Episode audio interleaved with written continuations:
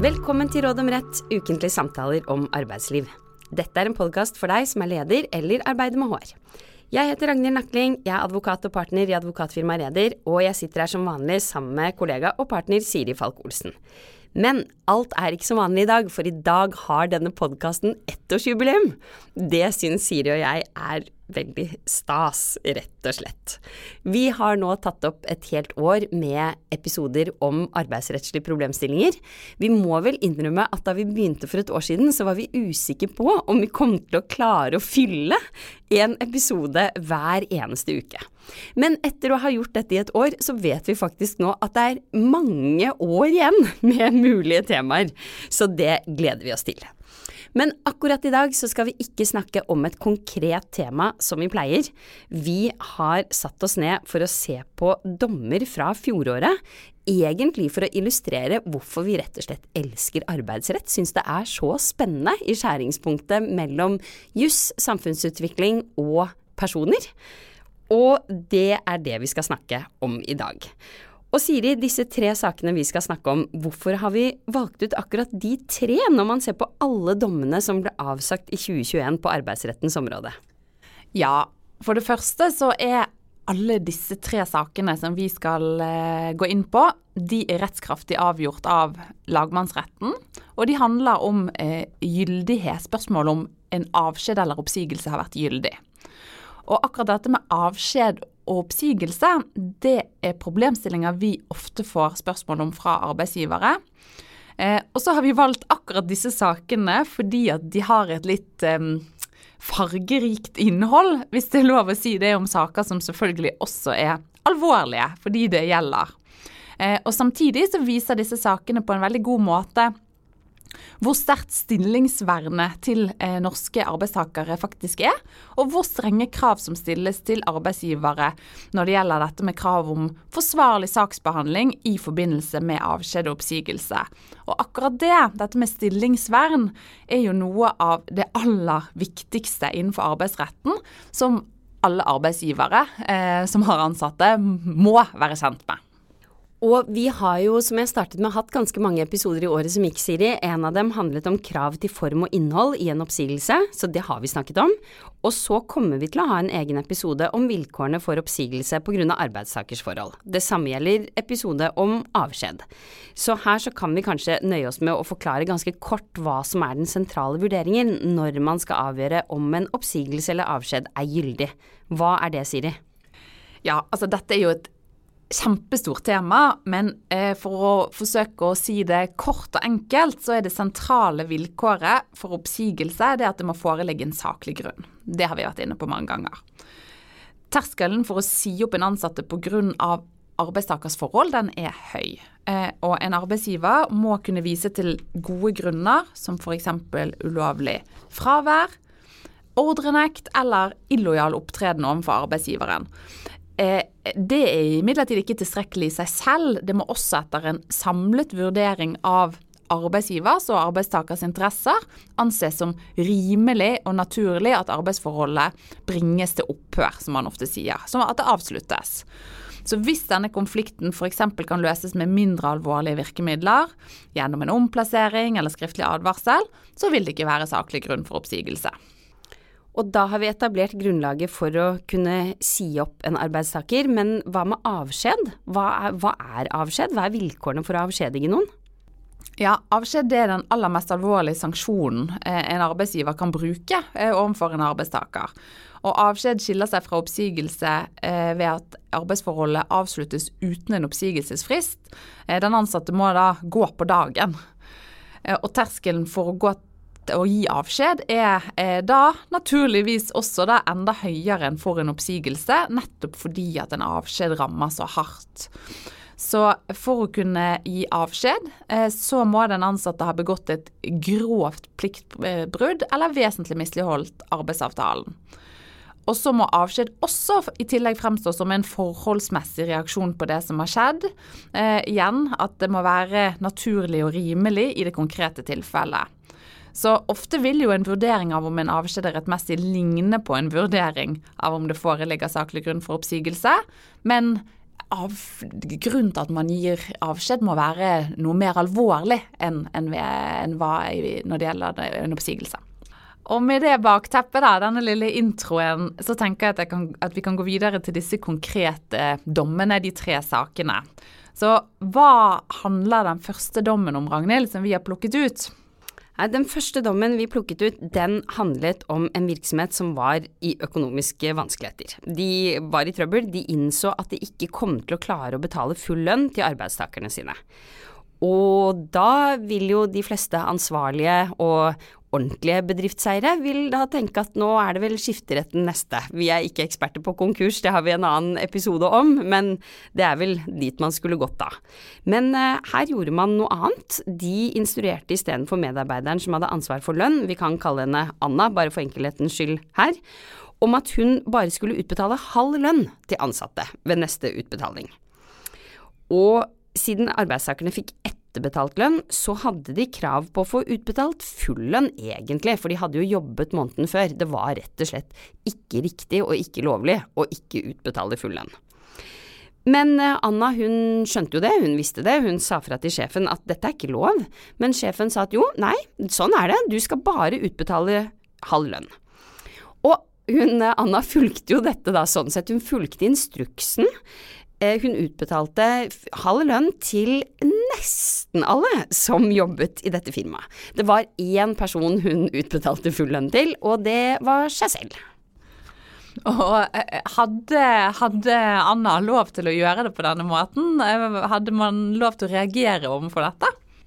Altså, Det at hun kunne reagere, det er i hvert fall sikkert. Hun kunne absolutt si fra til sjefen om at dette er ikke lov. Og hvis man i juridisk teori, altså i bøker man skriver om arbeidsrett osv., så, videre, så er det flere forfattere som har tatt til orde for at det å ikke følge en ulovlig instruks er greit. Altså at en ulovlig instruks ikke er forpliktende for arbeidstaker, da. Du må ikke, ikke følge det. Men Anna gikk jo et skritt lenger her, da. For det var ikke bare det at hun på en måte, Én ting hadde vært hvis hun lot være å følge en ulovlig instruks, men her så handlet hun aktivt eh, på sine egne vegne, for hun sikret jo seg selv full lønn. Og så overfor seg selv så var det ikke noe urettmessig forhold. Der utbetalte hun full lønn. Men eh, overfor de andre ble det feil, så dette ble litt sånn som vi da på jussens språk kaller selvtekt. Og lagmannsretten de, de konkluderte egentlig ikke på om det var rett om det var riktig av henne da, å utbetale full lønn til seg selv i strid med den ulovlige instruksen, fordi det pliktbruddet hennes det inngår bare som et moment i en bredere vurdering av en avskjed eller en oppsigelse. Og som du var inne på i stad, da ser man på om var avskjed eller oppsigelse en, naturlig, en rimelig reaksjon da, i denne saken. Og hva skjedde videre i denne konkrete saken etter at da arbeidsgiver hadde oppdaget hva Anna gjorde? Hva skjedde så? Nei, det skjedde jo mye eh, spennende, morsomt. Altså, det skal jo sies at i jussens verden så er det kanskje begrenset hvor spennende det blir, men det var jo ganske uvanlig også fortsettelsen av denne saken. Fordi den samme dagen som hun utbetalte lønn, så hadde hun kontakt med en i ledelsen gjennom WhatsApp, meldingstjenesten. Og der diskuterte de egentlig om Anna skulle si opp jobben selv, eller om virksomheten skulle si henne opp, da. Og mm, tre dager senere så fikk hun skriftlig melding om at hun var blitt avskjediget, og den kontakten som da hadde vært på WhatsApp, det, det ble ansett som et drøftelsesmøte. Og der tror jeg de som lytter til oss, eh, heldigvis vet at det var ikke et drøftelsesmøte, noen meldinger på WhatsApp. Så da, det Anna bestemte seg for da, var å eh, gå til sak for å få avskjeden kjent ugyldig, og hun krevde erstatning. Og hvordan gikk det i denne saken? Hva kom lagmannsretten til? Hva, var det lov å gi avskjed i et sånt tilfelle som her? Ja, ja, altså tingretten der hvor saken var først, de kom jo til at det ikke var grunnlag for avskjed. Men så gjorde den noe som retten har anledning til, nemlig å si at det var ikke grunnlag for avskjed, den er ugyldig, men den opprettholdes som en saklig oppsigelse. Så for lagmannsretten så var jo spørsmålet da forelå det saklig grunn for oppsigelse, og lagmannsretten kom til at nei, det gjorde det ikke. Terskelen var ikke oppfylt, vilkårene var ikke oppfylt. Det retten la vekt på der, det var at for det første så var instruksen om bare å utbetale halv lønn, den var ulovlig, urettmessig. Eh, de la vekt på at Anna hadde sagt fra til sjefen før hun gjennomførte utbetalingen, som eh, de hadde krav på, da. Og pliktbruddet som hun da gjorde, da, det hun gjorde som ikke var bra, det hadde en konkret begrunnelse, og det ga ikke selskapet grunnlag for å miste den generelle tilliten til Annas lojalitet, det at hun utbetalte full lønn til seg selv, men halv lønn til de andre. Og så var det som vi eh, jo ser veldig mye i vår jobb, og er vant til, lagmannsretten la vekt på saksbehandlingen og det at det ikke var gjennomført noe drøftelsesmøte. Ja, og det er jo som du var inne på, Ragnhild, kanskje ikke så veldig overraskende at lagmannsretten kom til at denne meldingsutvekslingen på WhatsApp, det, det, man kunne ikke si at det var et drøftelsesmøte etter arbeidsmiljøloven. Nei, det, det, var så lite overraskende at jeg måtte si det i stad også. Det, det, lagmannsretten så det som klart at denne samtalen på WhatsApp, det var ikke et drøftelsesmøte etter arbeidsmiljøloven 15.1. Og selv om grunnlaget for avskjeden og ulike alternativer var tema i meldingene, så var dette en uformell utveksling av synspunkter i saken, ikke reelle drøftelser. Eh, hun fikk ikke tid til å forberede seg, hun hadde ikke med seg noen representant. Man hadde på en måte ikke snakket om ja, dette med at det ikke det, Altså, ja, Anna brøt en instruks, men hva slags betydning hadde det at instruksen var ulovlig? Hvor alvorlig gjorde det Annas pliktbrudd? Så derfor så eh, la lagmannsretten vekt på dette, og kom til at det at det ikke ble avholdt drøftelsesmøte, det kunne ha hatt innvirkning på utfallet av hva arbeidsgiver kom til. Og hva var konsekvensen da, i denne saken av at avskjeden var ugyldig, og at, at uh, domstolen kom til at man heller ikke kunne anse det som en, som en gyldig oppsigelse? Det var at Anna fikk erstatning. Hun fikk erstatning for økonomisk tap. Hun hadde tapt arbeidsinntekt i ti måneder, og hun hadde tapt feriepenger, så da fikk hun tilkjent 469 000 kroner for det. I tillegg så fikk hun tilkjent oppreisningserstatning, altså erstatning for ikke-økonomisk tap, tort og svie kan man si på, på en måte, og den ble satt til 60 000 kroner. Og så hva kan vi lære av den saken? Jo, det første vi syns er viktig at lytterne våre får med seg her, det er at drøftelsesmøter kan ikke holdes via WhatsApp. Det blir ikke bedre om det skulle være eh, via Messenger eller eh, Snapchat eller hva det måtte være. Eh, det bør heller ikke skje telefon, bør, over telefon. Det bør være ansikt til ansikt det kan selvfølgelig være på Teams, det har vi gjort mye av de siste to årene, men det ideelle er jo å møtes. Og mm, grunnen til, altså det vi kan lære, da, det er at det er, det er strenge krav til forsvarlig saksbehandling til arbeidsgivere når man skal si opp noen eller avskjedige noen. Og så tenker jeg også man kan lære at det kan bli dyrt for arbeidsgiver å trå feil her. Det er viktig å gjøre grundige vurderinger i forkant og ha en forsvarlig saksbehandling. Så er det den andre dommen vi har valgt ut da, Siri. Hva handler den om? Jo, denne dommen den handler om eh, en bussjåfør som på fritiden eh, lagde bråk eh, på et konkurrerende busselskap sin bussrute. Og så her tenker jeg at vi får, siden det er snakk om da en bussjåfør på en annen buss, så tenker jeg at vi får kalle denne, denne personen Adam, for å gjøre det litt enklere. Adam han var passasjer på, på, på en buss eh, og på vei hjem fra jobb. Og da han skulle gå av bussen, så ventet han eh, på at bussjåføren skulle åpne døren for ham, eh, som var praksis da pga. koronapandemien. Men bussjåføren åpnet ikke døren, eh, og da Adam ikke trykket på åpneknappen selv, så begynte bussjåføren å kjøre igjen. Og det er veldig irriterende for de av oss som har opplevd dette. Det tenker jeg. Så, så han, og, og, Adam ble veldig frustrert over dette. Så hans reaksjon var jo kanskje litt voldsom, fordi at han reagerte med å bryte seg fram til sjåføren. Dette var under koronapandemien, så han da brøt covid-19-sperrelinjen og konfronterte sjåføren i sinne med at han hadde kjørt forbi eh, den holdeplassen han skulle av. Og i Det som står i dommen, så skal Adam han skal ha gestikulert, sperret sjåførens utsikt for trafikk til høyre, og så i tillegg da grepet fatt i rattet til bussen. Og alt dette her det skjedde mens bussen var i bevegelse og på vei inn i en rundkjøring. I tillegg så tok Adam bussjåførens ryggsekk og løp til bakdøren i bussen, hvor han trakk i nødåpneren. Eh, så da bussjåføren parkerte på neste holdeplass og løp bak og tok tilbake sekken sin, så oppsto det i tillegg da verbal og fysisk konfrontasjon mellom han og Adam. Eh, og til slutt så løp Adam ut av bussen, og sjåføren i bussen la han i bakken. Så bussjåføren han informerte jo naturlig nok sin sjef om denne hendelsen, og han tok kontakt med Adam sin sjef, siden Adam også var bussjåfør og jobbet i et annet selskap. Dette gjorde at Adam ble kalt inn til et drøftelsesmøte hvor han forklarte seg i tillegg uriktig ved å bestride hva han hadde gjort. Han sa at ikke det var riktig, og så ble han da, som en følge av dette, gitt avskjed. Han fikk avskjed fra stillingen som bussjåfør. Eh, han, Adam, han mente at dette ikke var riktig, eh, så han gikk til sak og bestred da at det var grunnlag for avskjed eh, i et sånt tilfelle.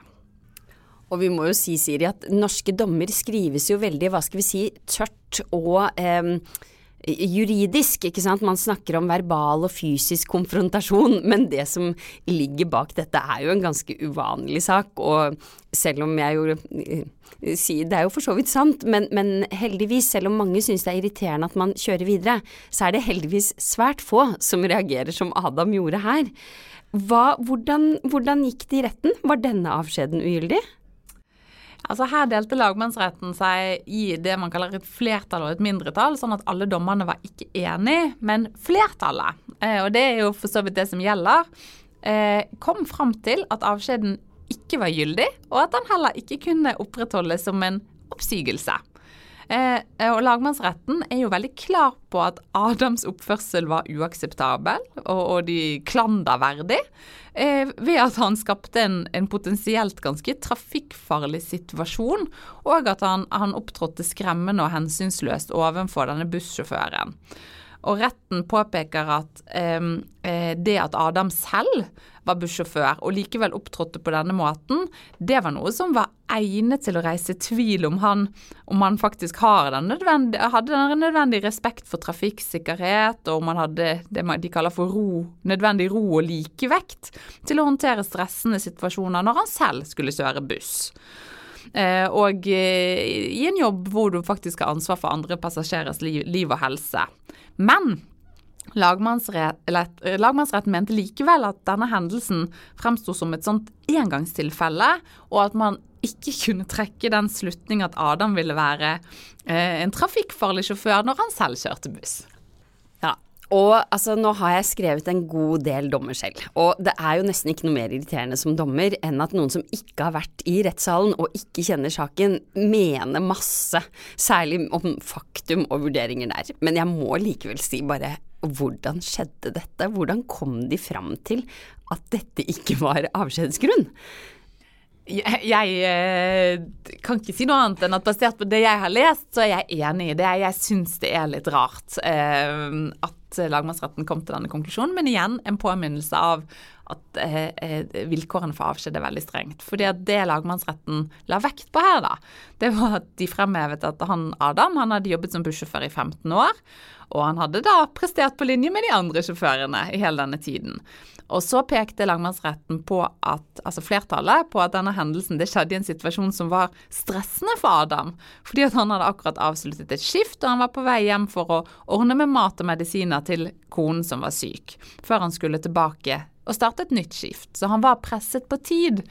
Og så selv om han kunne avverget situasjonen ved å åpne døren selv, så hadde bussjåføren en plikt til å åpne døren automatisk for alle passasjerer for å minimere smitterisikoen under pandemien. Så flertallet de sier det ikke rett ut, men det er nærliggende å anta at de, at de la til grunn at Adam hadde en ekstra god grunn til å ikke ville berøre døråpneren, siden han også hadde en syk kone hjemme. Og det unnskyldte jo ikke Adams handlemåte, men det underbygget at hendelsen var liksom enkeltstående og situasjonsbestemt på en måte, da. Mm. Mm. Og, og, og, det kan det jo naturligvis ha vært, men jeg tror nok at noe av grunnen til at du og jeg syns jo at det er veldig spesielt, er vel det at um, alle kan gjøre feil, og det er ulike hendelser i livet og krevende situasjoner, men han går jo meget langt eh, og skaper en voldsom trafikkfarlig situasjon når han tar tak i rattet. Men nå skal ikke vi, denne episoden er ikke for å, for å på en måte tro at vi vet bedre enn de som avgjorde dommen, men den er jo likevel ganske egnet da, til å se på på en måte hva gjør at en avskjed er ugyldig. Og nå har du vært inne på at det ene lagmannsretten la vekt på, var jo det at de sa at han er ikke helt uegnet som sjåfør pga. denne enkelthendelsen. Det han har klart i 15 år, og denne dagen var han ja, ek ekstra stresset. Var det noen andre momenter som, som, de la vekt på når de kom til at den var ugyldig? Ja, litt som jeg snakket om innledningsvis, så beror jo dette spørsmålet om en avskjed er gyldig på en bred helhetsvurdering. Og den, liksom, den, den, kritikkverdige handlingen den er sentral, men det skal jo også foretas en interesseavveining mellom eh, arbeidsgiver og arbeidstaker. Og I denne saken så la flertallet vekt på at avskjeden den rammet Adam og familien veldig hardt økonomisk. Eh, samtidig som det ikke førte til et økonomisk tap for busselskapet. I tillegg la de vekt på Adams alder, at det ville gjøre det vanskelig for han å få ny jobb, i tillegg til at han ville miste retten til eh, eh AFP. Mm. Avtalefestpensjon. Så derfor så mente retten, eller flertallet, at avskjeden var liksom uforholdsmessig streng og dermed ugyldig. Så man kan jo si litt enkelt at de hadde sympati. De syns synd på han, eh, og da eh, er det vel en læring å trekke ut av det at man bør som arbeidsgiver være forsiktig med å la en engangshendelse kanskje få så alvorlige konsekvenser som man her gjorde. Ja, og så er det vel også noe som vi selv også har erfart, er at det er, eh, det er jo selvfølgelig jussen som avgjør, men det er nok ikke noe tvil om at en del dommer på arbeidsrettens område, så kommer det også mange andre aspekter inn, og som kan få utslagsgivende betydning, da. Men eh, hvilke sånn prakt, altså økonomisk og praktisk, da, hvilke konsekvenser fikk det for busselskapet at avskjeden ble kjent ugyldig? Ja, da måtte busselskapet erstatte det økonomiske tapet eh, Adam hadde lidd, mens han da urettmessig var uten jobb. Eh, men siden han hadde handlet svært eh, klanderverdig, for det var lagmannsretten enig i, så fikk han ikke da oppreisningserstatning for den urettmessige avskjeden. Men han fikk erstattet sitt økonomiske tap da ved å stå uten jobb. Nettopp. Og hvis vi skal trekke, ta med oss noen læringspunkter fra den dommen, hva vil det først og fremst være, tenker du Siri? Jeg tenker at denne dommen viser at det er en svært, svært høy terskel for å gi avskjed i Norge. Eh, som arbeidsgiver så må man også vurdere arbeidstakers forhold i, i, i den vurderingen av om man skal gi avskjed. Eh, og hvis avskjed vil ramme arbeidstakeren ekstra hardt, så vil det være en enda høyere terskel. Eh, og så må man alltid vurdere om det er mindre inngripende tiltak som kan iverksettes istedenfor. Så Ragnhild, da spiller jeg ballen over til deg igjen. Den siste dommen vi skal snakke om, der kom Nå har vi snakket om to saker hvor eh, lagmannsretten kom til at avskjed, det var det ikke grunnlag for. Men i denne siste saken, da var lagmannsretten enig i at det var lov å gi avskjed. Eh, så da er jeg spent. Hva hadde egentlig skjedd i den saken, Ragnhild? Ja, denne saken den handlet om en arbeidstaker som var blitt sagt opp. Han var også tillitsvalgt, og så skulle det være et seminar om nedbemanning i virksomheten hvor han jobbet. Det var en stor virksomhet, da. Den som skulle, Han var i tvist med arbeidsgiver, han hadde bestridt oppsigelsen. Og den som skulle holde foredrag om nedbemanning eh, det, på dette seminaret, da, det var faktisk advokaten til arbeidsgiver. Så da tenkte denne personen at her må jeg gå. Han møtte opp på seminaret, han hadde ikke meldt seg på i forkant, og da han ble bedt om å registrere seg, så oppga han navnet til en kollega istedenfor sitt eget navn. Dette var jo dette var høsten 2020, da husker vi alle at det var veldig viktig og alvorlig med smittesporing, sørge for at man hadde oversikt over hvem som hadde vært til stede, osv.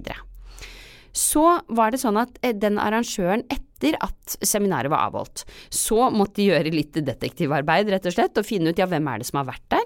Så fant de ut at neimen, han som står her, han har ikke vært der, det er noen andre som har vært der. Og de klarte da å finne ut at det var denne arbeidstakeren som, hadde, som var tillitsvalgt, som hadde kommet på møtet.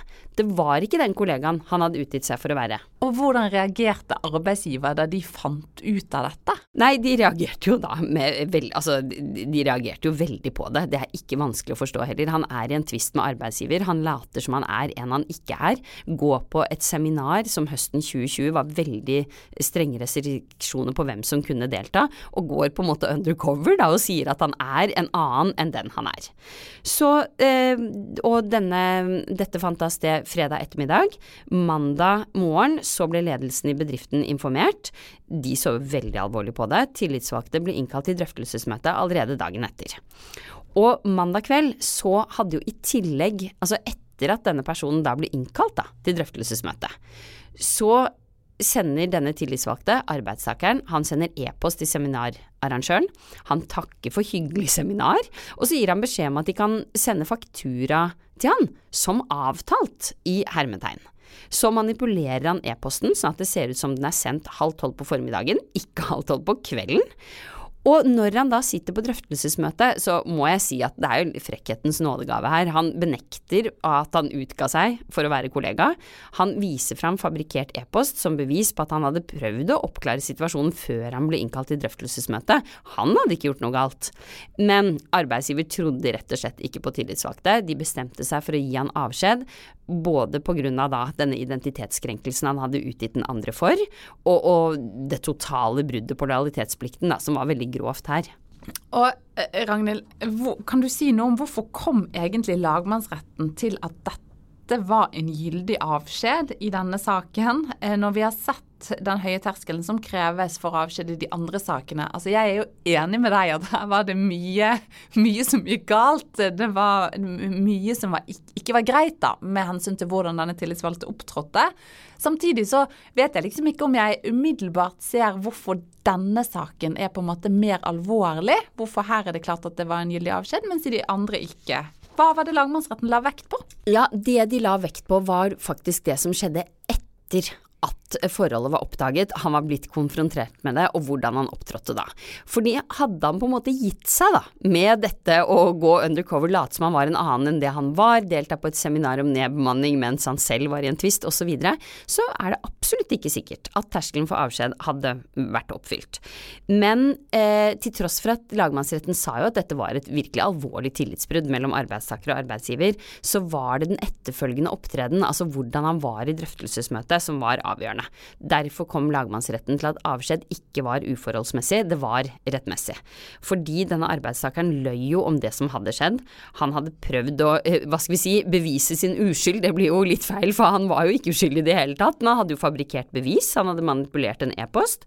Og dette understreket at denne alvorlige tillitssvikten, den var utelukkende skapt av arbeidstakeren selv, og den kunne ikke gjenopprettes eller avbøtes, da, hvis man skal si det sånn, på noen annen måte enn eller den kunne ikke gjenopprettes på noen måte, så avskjed var ok.